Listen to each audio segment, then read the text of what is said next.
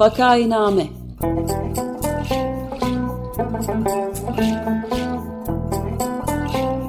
Salgın günlerinde memleket manzaraları.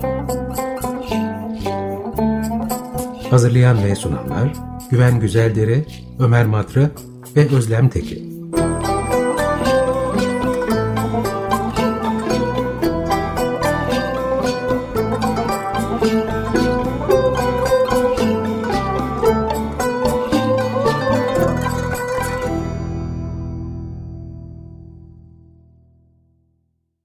Vakainame'ye hoş geldiniz. 95 FM Açık Radyo'dayız. Programı Ömer Madra, Özlem Teke ve ben Güven Güzeldere birlikte yapıyoruz.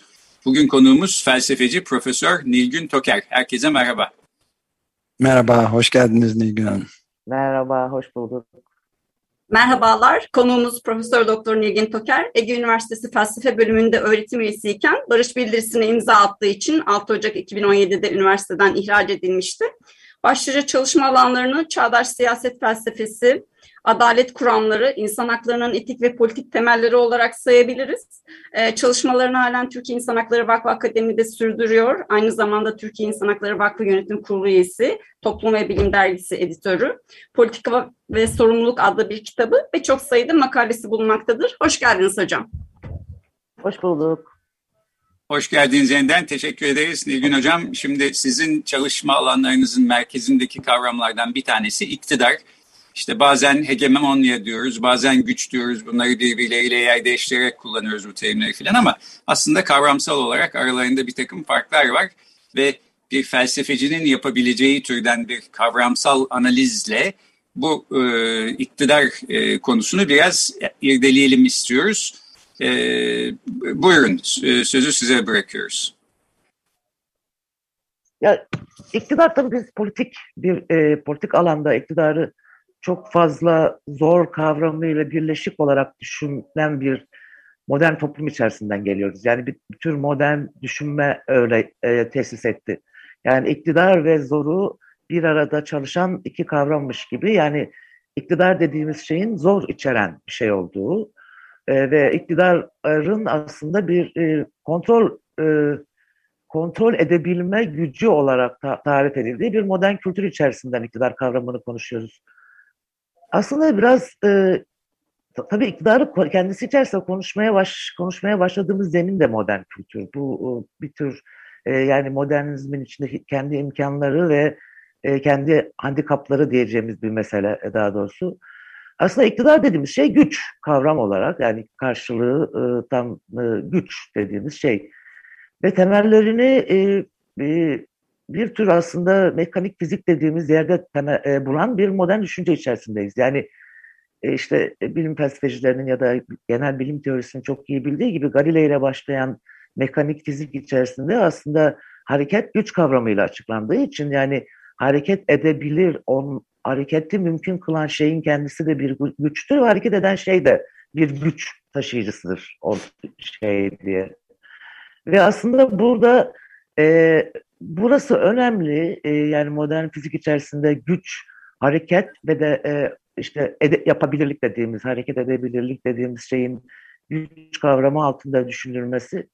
Şimdi ben tabii modern fizikte uzun süre kalmayacağım ama bu kavramın politikaya devşirildiği yer yine modern e, felsefe e, ve işte ilk büyük kavrayışını belki Hobbes'ta, Machiavelli ve arkasından Hobbes'ta buluyoruz. Esasen de Hobbes'ta buluyoruz. E, bir tür aslında e, ne derler inorganik materyalizmle ya da immateryal materyalizmle bir tuhaf bir şey söylüyorum belki ama canlılık denen şeyi bir güç olarak tarif edildiğinde o canlılığın sürdürülmesi için yapılan her şeyi de yapıla, yap, yapabilir olduğu her şeyi de aslında bir irade eşittir özgürlük ve eşittir iktidar olarak tarif et, ed, et, et, ettiği bir zemin var Hobbes. Ama işte bu canlılığın sürdürülmesi için gerekli olanların yapılması sürecinde Hobbes Leviathan'a kadar yükseldiğinde şöyle e, bir sonuca vardı. Aslında e, güç dediğimiz şey çatışmayı doğurduğu için cisimler arasında, cisimler her bir canlı organizma bir cisim olduğu için bu çatışmanın önlenmesi için cisimlerden gücün alınması lazım. Şimdi modern fizikten çok iyi bildiğimiz bir şey bu. E, hareketi önlemeniz lazım yani. hareketi önlemeniz için de hareket edebilir kırmamanız lazım cisimleri. Bunun da en işte e, böyle fizikçileri sinirlendirecek bir bilgiçlikle konuşmak istemem ama e, basınç ya da sıkıştıracaksınız yani ya sıkıştıracaksınız ya da durdu, hareketi durdurmanız lazım.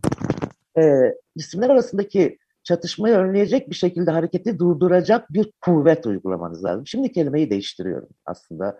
Güçten kuvvete geçtim. Ben biraz sonra Hannah Arendt'le bunlar arasındaki ilişkinin e, politik anlamlarını söyleyeceğim aslında. İşte e, e, şeyin e, Hobbes'un iktidar diye tarif ettiği şey gücün kuvvete dönüşmesi halidir. Yani bir dışarıdan uygulanan bir dışarıdan bir zor uygulayıcısı haline gelmesidir. Şimdi bu aslında e, iktidarın kısaca söyleyeyim bir yönetme etkinliği olarak tarif edildiği bir modern e, ana işaret ediyor. Daha önce değil miydi? Daha önce de öyleydi tabii ki. Yani iktidar eşittir yönetme gücü diye. Ve aslında yönetme gücü ve iktidarın eşit olması hani çok da modernlere özgü bir şey değil. Bu antik Yunan'dan beri bildiğimiz bir şey belki ama antiklerde, antiklerde çok iktidar diye bir kavram yok. Burada güç kavramı üzerinden düşünüyorlar. Daha çok dinamist ve enerji e, üzerinden, enerji, enerjiye üzerinden düşünüyorlar. Oysa modernler bunu güç diye tarif ettiklerinde e, gücün diğeri üzerine, başkası üzerine ya da başkaları üzerine uygulanabilir bir kuvvet haline geldiği anda da güç zora dönüşüyor. İşte bu kavramları özel olarak üç tane kavram söyledim birbiriyle. Ve modern e, siyasetin kurucu kavramları bunlar. Ve e, modern devletin de yani Leviathan formunda tasavvur edilmiş olan işte şiddet daha sonra Max Weber'in ya da başka birçok birçok filozofun şiddet tekeli olarak tarif edecek modern devlette devlet içerisinde iktidar böyle bir tarif aldı. Yani e, toplumun üzerine toplumu kontrol etmek için sahip olunan bir kuvvet, yani şu ya da bu kaynaktan, kaynakları değişebilir. Genellikle de halkın iradesini kendi içerisinde mahsederek sahip olduğu bir kuvvet bu. E, ve bu burada iktidar aslında bir kontrol etme gücü olarak tarif edildi. Şimdi bu niye sorun? E, çünkü e, daha sonra işte bu güçler ayrımı teorisine falan da yol açacak bir şekilde bir gücün sınırsız olarak mutlak bir şekilde bir yapıda birleşmesi demek onun zorunun da aynı e, güce bağlı olarak sınırsız olduğu anlamına gelir. Ve bu işte modernitenin en önemli meselesi bu halk egemenliği kavramıyla bir parça çeliştiği için diyelim e, ya da önemli bir sorun olduğu için e, bu mutlak gücün bir tür totaliter niteliğe kavuşmaması için de işte bir tür demokratik çözüm olarak e, liberal demokratik bir çözüm olarak tarif edebileceğimiz bir şey işte güçler ayrımı teorisi çıktı ve böylece iktidar dediğimiz yapı aslında e, e, bir tür parçalandı.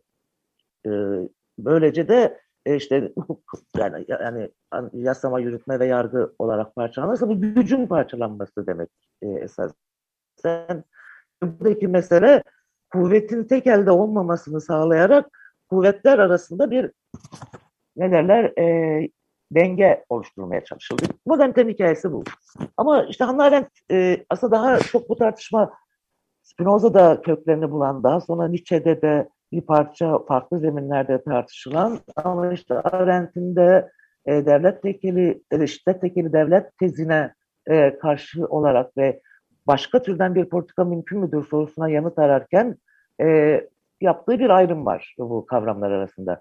Ama bu ayrım biraz önce anlattığım diz, e, e, izlek üzerinde tesis ediliyor. Yani e, güç, kuvvet ve zor. Şimdi hemen şunu söyleyeyim. E, güç kelimesinin Türkçeden etimolojisini yapamayacağım ama İngilizce, e, Batı dillerindeki kö, e, kökeni potentiyadır. Yani potansiyel. E, yani e, sahip olunan bir e, kudret, güç şey diye. Gücün açığa çıkması meselesi nedir? Şimdi aslında bütün mesele bu yani gücü açığa çıkardığımızda yani gücü dışsallaştırdığımızda ona ne diyeceğimiz meselesi var. Yani potansiyellerimizin açığa çıktığında açığa çıkması haline ne diyeceğiz meselesi var. İşte e, potansiyellerimizin açığa çıkması haline bir tür işte iktidar diyoruz. Bir tür değil iktidar diyoruz. Yani gücün nesnelleşmesi olarak tarif ettiğimiz bir şey. Spinoza'nın verdiği isimle söyleyeyim, potentiyanın potestas hale gelmesi. Yani görülür, somut hale gelmesi, kendisini gerçekleştirmesi. Şimdi bu tür kavramları kullandığımızda şöyle bir mesele var. Ee, bize içkin olan bir gücün dışarıya dışa açıldığı anda görülür ve somut hale gelmesindeki ortaya çıkan şey nedir? İşte bu iktidar. Şimdi bu somut hale getirme nedir? Aslında bütün mesele bu. Arendt'in sorduğu soru da o. Yani gücün dışsallaşması, açığa vurumu, dışa vurumu ya da daha Arendt'ci terimlerle söyleyeyim ya da belki Nietzsche'ci de terimlerle söyleyebiliriz. Gücün yani bir potansiyel, potansiyelin kendisini gerçekleştirmesi derken neyi kastediyor aslında? Şimdi bu burada önemli bir şey söylüyor. Aslında Nietzsche'den başlayan bir süreçte felsefe. Arendt'in de aldığı yer orası. Gücün kendisini gerçekleştirmesinin nasıl nasıl mümkün daha doğrusu. Şimdi burada güç müç falan dediğim şey biraz sanki soyut bir yerden konuşuyormuşuz gibi geliyor ama Spinoza'nın bize verdiği bir kılavuzla söylemek istiyorum. Spinoza üç kavramı birbiriyle eşitler. Özgürlük eşittir aslında yapabilirliktir. Yapabilme halidir. Yani muktedirlik, yapabilirliktir. Ve bu da haktır. Yani muktedir olma haline de hak diyoruz. Aslında bu üçü arasındaki bu özgürlük, yapabilirlik ve onu bir muktedirlik olarak tarif ettiğimizde Spinoza açıkça şunu söylüyor. Özgürlük aslında bir gücün açığa vurulabilirliğidir. Yani potestas hale gelmesidir. Özgürlük sizdeki bir gücün yani kendi potansiyelinizin açığa vurulabilmesi haline özgürlük diyoruz. O yüzden özgürlük içsel olarak taşınan bir nitelik olamaz. Spinoza'dan öğrendiğimizde söylüyorum ama e, modern felsefe buna son derece sıkı sarılacak daha sonra Kant, Hegel, Marx hepsi birden. Aslında e, içsel olarak sahip olduğumuz bir şey değil, içsel olarak sahip olduğumuz şey olsa olsa bir potansiyeldir. Özgür olma potansiyeli. Özgür olmak o potansiyelin gerçek olması. Yani açığa vurulmasıdır. Yani özgür değilseniz, yani özgür değilseniz, e, özgürlüğü açığa vuramıyorsanız özgür değilsiniz. Aslında bu olağanüstü bir e, tez. Bence daha sonra birçok e, felsefeye de rengini verecek bir tartışma. Bunu özellikle e, daha sonra Marx'ın e, insan hakları için söylediği şey de buradadır. Yani özgürlüğe de benzer bir şey bir şekilde söyler bunu. Gerçek olmayan şey yoktur tezine gidecek bir şey. Yani yoktur.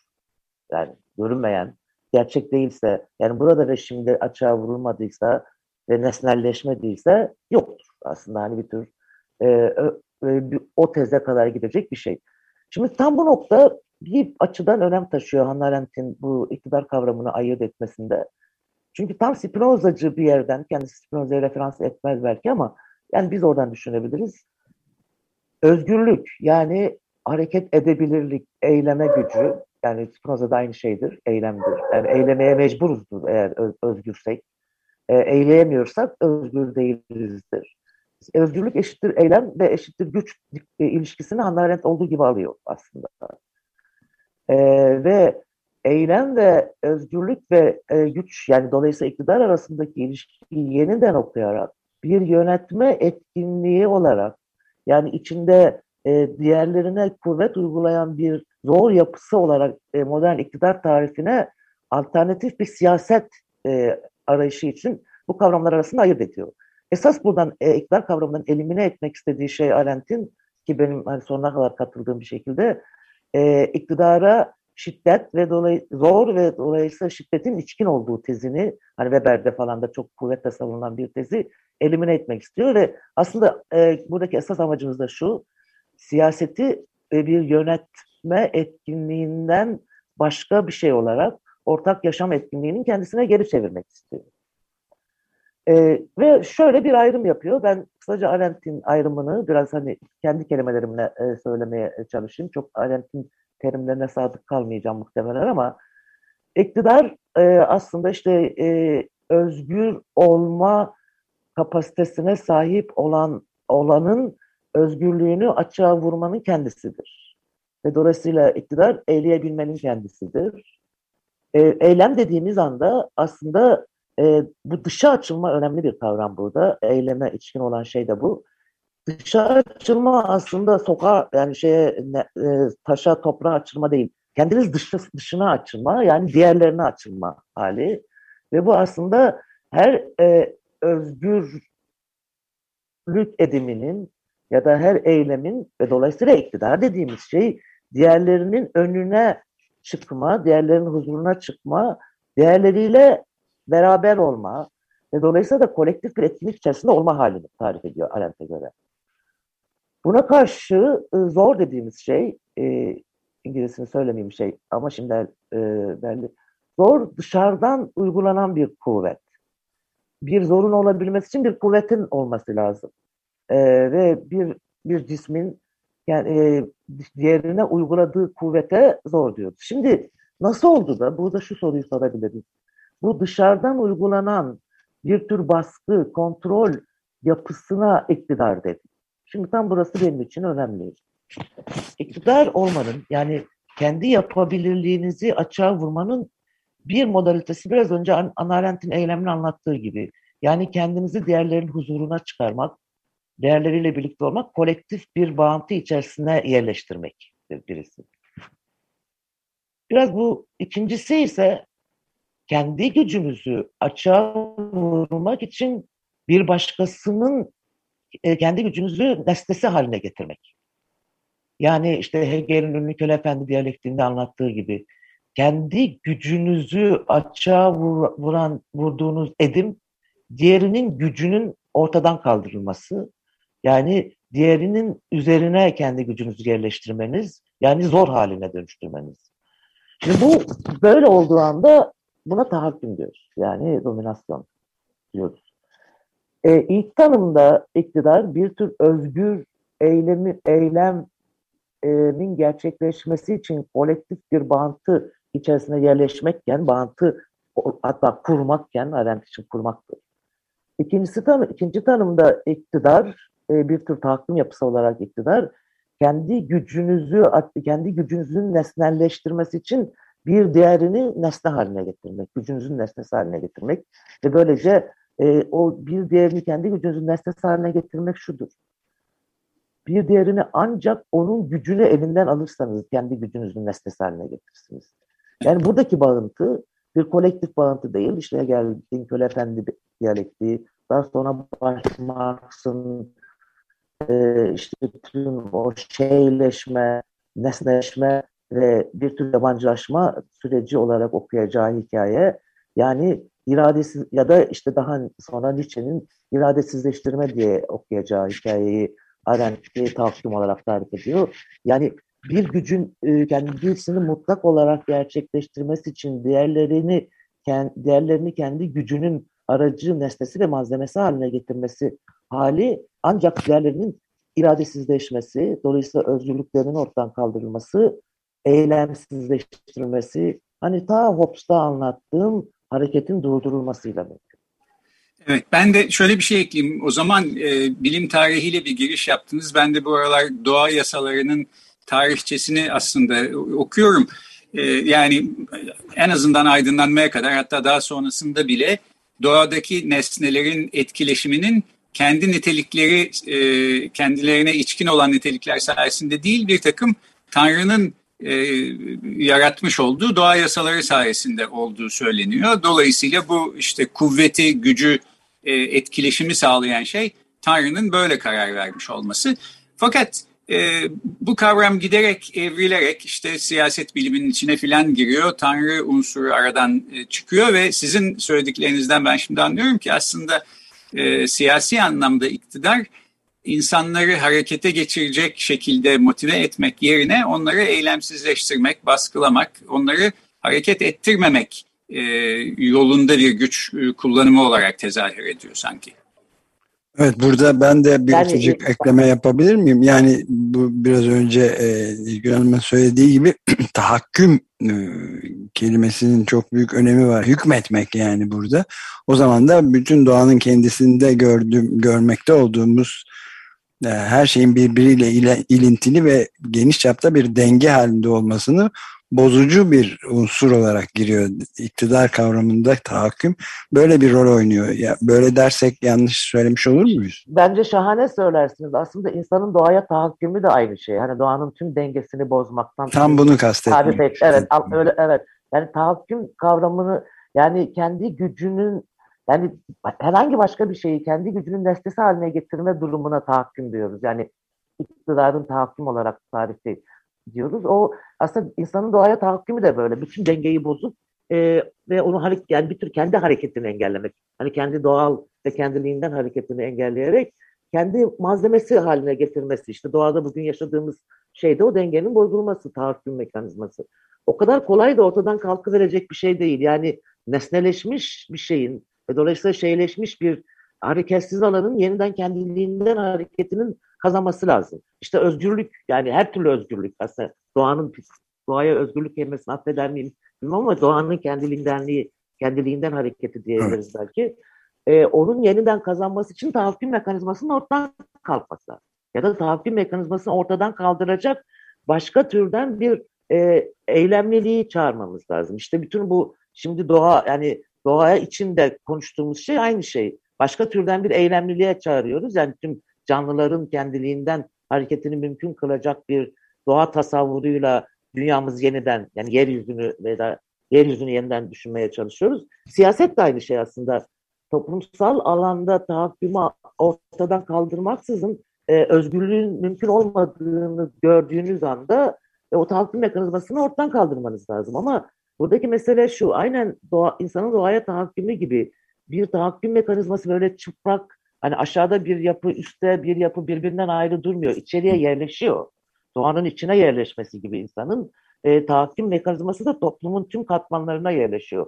Daha sonra Foucault'un hani son derece iyi bir analizle hani toplumun hani içkin iktidar mekanizmaları var. Sadece aşkın iktidar mekanizması yok derken çok haklı olarak söylediği gibi. O yüzden mekan iktidar yukarıdan aşağı böyle bir tür toplumun içine yerleşiyor. Bu en fazla da bunu nerede görüyoruz? Ee, her türlü egemenlik yapısına içkin hale geliyor. Aslında başta söylemem gereken şeyi şimdi söyleyeyim. Ee, tahakküm formundaki bir iktidar doğrudan bir egemenlik yapısıdır. Yani her türlü egemenlik bir tahakküm talep eder. Yani kontrol e, ve e, belirleme anlamında. Yani onun kendi kendiliğinden hareketini ortadan kaldırıp kendi istediği hareketi en fazla yaptırmak. İşte ne bileyim HES yapmak, baraj yapmak, doğada dediğimizde ya da insana işte başka yapılar kurmak, kurmak falan. O yüzden ek, tahakküm mekanizması son derece içkin mekanizmalar yarattığı için özgürlüğün yeniden ele geçirilmesi için şimdi biraz Nietzsche'ci bir laf söyleyeyim. Yani irademizi geri, geri alabilmek için hani Nietzsche bu putları kırmak falan diyor ama Arendt'in önereceği şey e, önerdiği şey şu aslında ben e, biraz hani Nietzsche kelimeleriyle Arendt'i söyleyeyim şimdi e, irademizi geri almanın yollarını bulmamız lazım. O ama bireysel bir şey de değil. Yani bu gerçekten o özgürlüğü mümkün kılan o kolektiviteyi geri almamız gerekiyor. Ee, kolektif bir şey, evet, kole, kolektif bir şey, e, şey yapmamız. O yüzden yani eylem alan, eylemlilik çok kıymetli bir şey, eylem. Yani e, eylemeye mecburuz ülkesinin hayata geçirebilmesi için kolektif olanın hesaba katıldığı bir dünya tasavvurunda olmamız lazım. Arendt siyasetin kendisi budur diyor. Yani nasıl siyaset ama bu yönetme etkinliği olarak bir siyaset değil, değiştirme, e, bir arada yaşama, bir arada yaşamayı kurma etkinliği olarak siyaset. E, burada tabii kurma kelimesiyle inşa kelimesi arasında da fark var. Onu da hemen söyleyeyim. Türkçe'de biraz karışıyor. E, yani foundation ile constitution arasındaki fark böyle çok ayıp oldu İngilizce söyledim. Çok özür dilerim. Yani e, kurma ve e, yani inşa bir tasarım gerektirir. Kurma ise eylemin kendiliğindenliği içerisinde ve dinamisi içerisinde e, önceden belirlenmemiş olan e, o yüzden de bir tür hani özgür hareket içinde bir arada yaşama etkinliği. Güven Bey çok konuştum özür dilerim. Peki yok estağfurullah. Şimdi e, yani felsefe literatüründe bu konular haliyle e, soyut bir düzeyde ve genel geçer terimlerle tartışılıyor. Fakat ben programın son bölümünde e, son derece somut olan e, ülkemiz gündemine de konuyu getirmek istiyorum. Çünkü işte iktidar, tahakküm, tahakküm bir kez kökleşti mi onu e, yerinden etmek zor e, dediniz. Gerçekten öyle ama sonuçta tahakküm dönemleri de sonlu. E, bu tahakkümün bir neticesi olarak siz yıllardır mesela öğrencilerinizden uzak bırakıldınız, üniversitenizden uzak bırakıldınız filan. Dolayısıyla hepimizin hayatına doğrudan etki yapan e, bir takım sonuçları da oluyor. E, ben şöyle sorayım, programın son, benim e, son sorum bu olsun bu programda. E, bu Marquez'in bir romanı var biliyorsunuz. Onu e, referansla söyleyeceğim. Başkan babamızın sonbaharına girdik mi? Yani bu iktidar sizce e, tahakküm e, döneminin son günlerinde miyiz? Bu soruyu da soruyorum çünkü gelecek hafta da bir aksilik olmazsa bu tartışmaya Koç Üniversitesi'nden siyaset bilimci Murat Somer'le e, devam edeceğiz. Ona da bir giriş olsun diye e, sizin fikrinizi sorarak bitireyim. Ben şu tezde değilim. Hiçbir zaman öyle olmadım. Bunu söyledim tekrar söyleyeyim. Hiçbir tahakküm yapısı kendiliğinden sona ermez. Tahakküm yapısının kendi kendine sönümleneceği diye bir tez yoktur. Güç dediğimiz şey hareket et, kendi gücünü uygulayabildiği sürece devam eder kuvvet. Yani o, o yüzden o kuvveti, onun o e, kuvvetle beraber sahip olduğu kudreti, kudreti, e, kudreti önlemenin yolunu bulmamız lazım. Yani eğer bir tahakküm yapısının sonbaharına girdiysek, yani bu herhalde bir organizmanın sonbaharından bahsetmiyoruz, bir yapıdan bahsediyoruz. O yapının yapılabilirliğini önleyecek bir toplumsal mukavemet gerekir. Yine fiziğe, fiziğin kelimesine başvurdum ama başka çare yok burada. Bir toplumsal mukavemet ve o onun o mutlak gücünü uygulayama, uygulamasını mümkün kılmamak lazım. O da ancak dirençle mümkün olur, mukavemette mümkün olur. Ben e, başkan babamızın sonbaharına girdiğimizi e, kendiliğinden bir giriş olarak tarif etmiyorum. Başkan babamız kendi mutlak iktidarını tam olarak yerleştiremediği için ve bir toplumsal mukavemet olduğu için tahakkümünü sürdüremeyebilir. Yani ben ona katılırım. Yani Türkiye'de e, bu mutlak e, tahakküm yapısına karşı bir mukavemet var. Şu ya da bu şekilde farklı farklı farklı farklı mukavemetlerde, dirençlerde olsa bir karşı çıkış var ama bu direncin o tahakküm yapısının sahip olduğu kudreti ittirmeye gücü yetecek mi, yetmeyecek mi direnmekte ısrar etmekle alakalı olduğunu düşünüyorum. Yani e, dire, eyle, o yüzden eylemeye mecburuz Spinoza'nın terimine. Yani bunun o, biz hareketi sürdürmezsek o mutlak iktidarı sürdürür diye düşünüyorum. O yüzden hareket sorumluluğunun bizde olduğunu düşünüyorum. Yani toplumda olduğu kanaatindeyim. Kendiliğinden e, yani daha mevsimler mevsim döngüsü içinde sonbahar kendiliğinden geliyor ama bazı sonbaharlar yaz gibi geliyor. İklim krizi var. Siyaset siyaseten bir iklim krizi yaşamayıp bazı sonbaharı yine sıcak bir yaz gibi yaşamayalım. Evet. Peki e, bu şekilde bitirelim. Çok teşekkür ederiz. E, bugün konuğumuz felsefeci Profesör Nilgün Toker'di. İktidar kavramının bir felsefi analizini yapmaya çalıştık. Sağ olun yeniden görüşmek üzere diyorum. Çok teşekkürler Nilgün Hanım.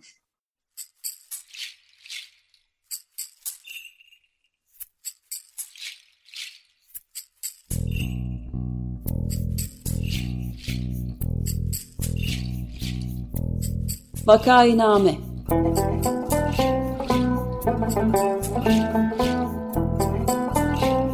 Salgın günlerinde memleket manzaraları. Hazırlayan ve sunanlar Güven Güzeldere, Ömer Madra ve Özlem Tekin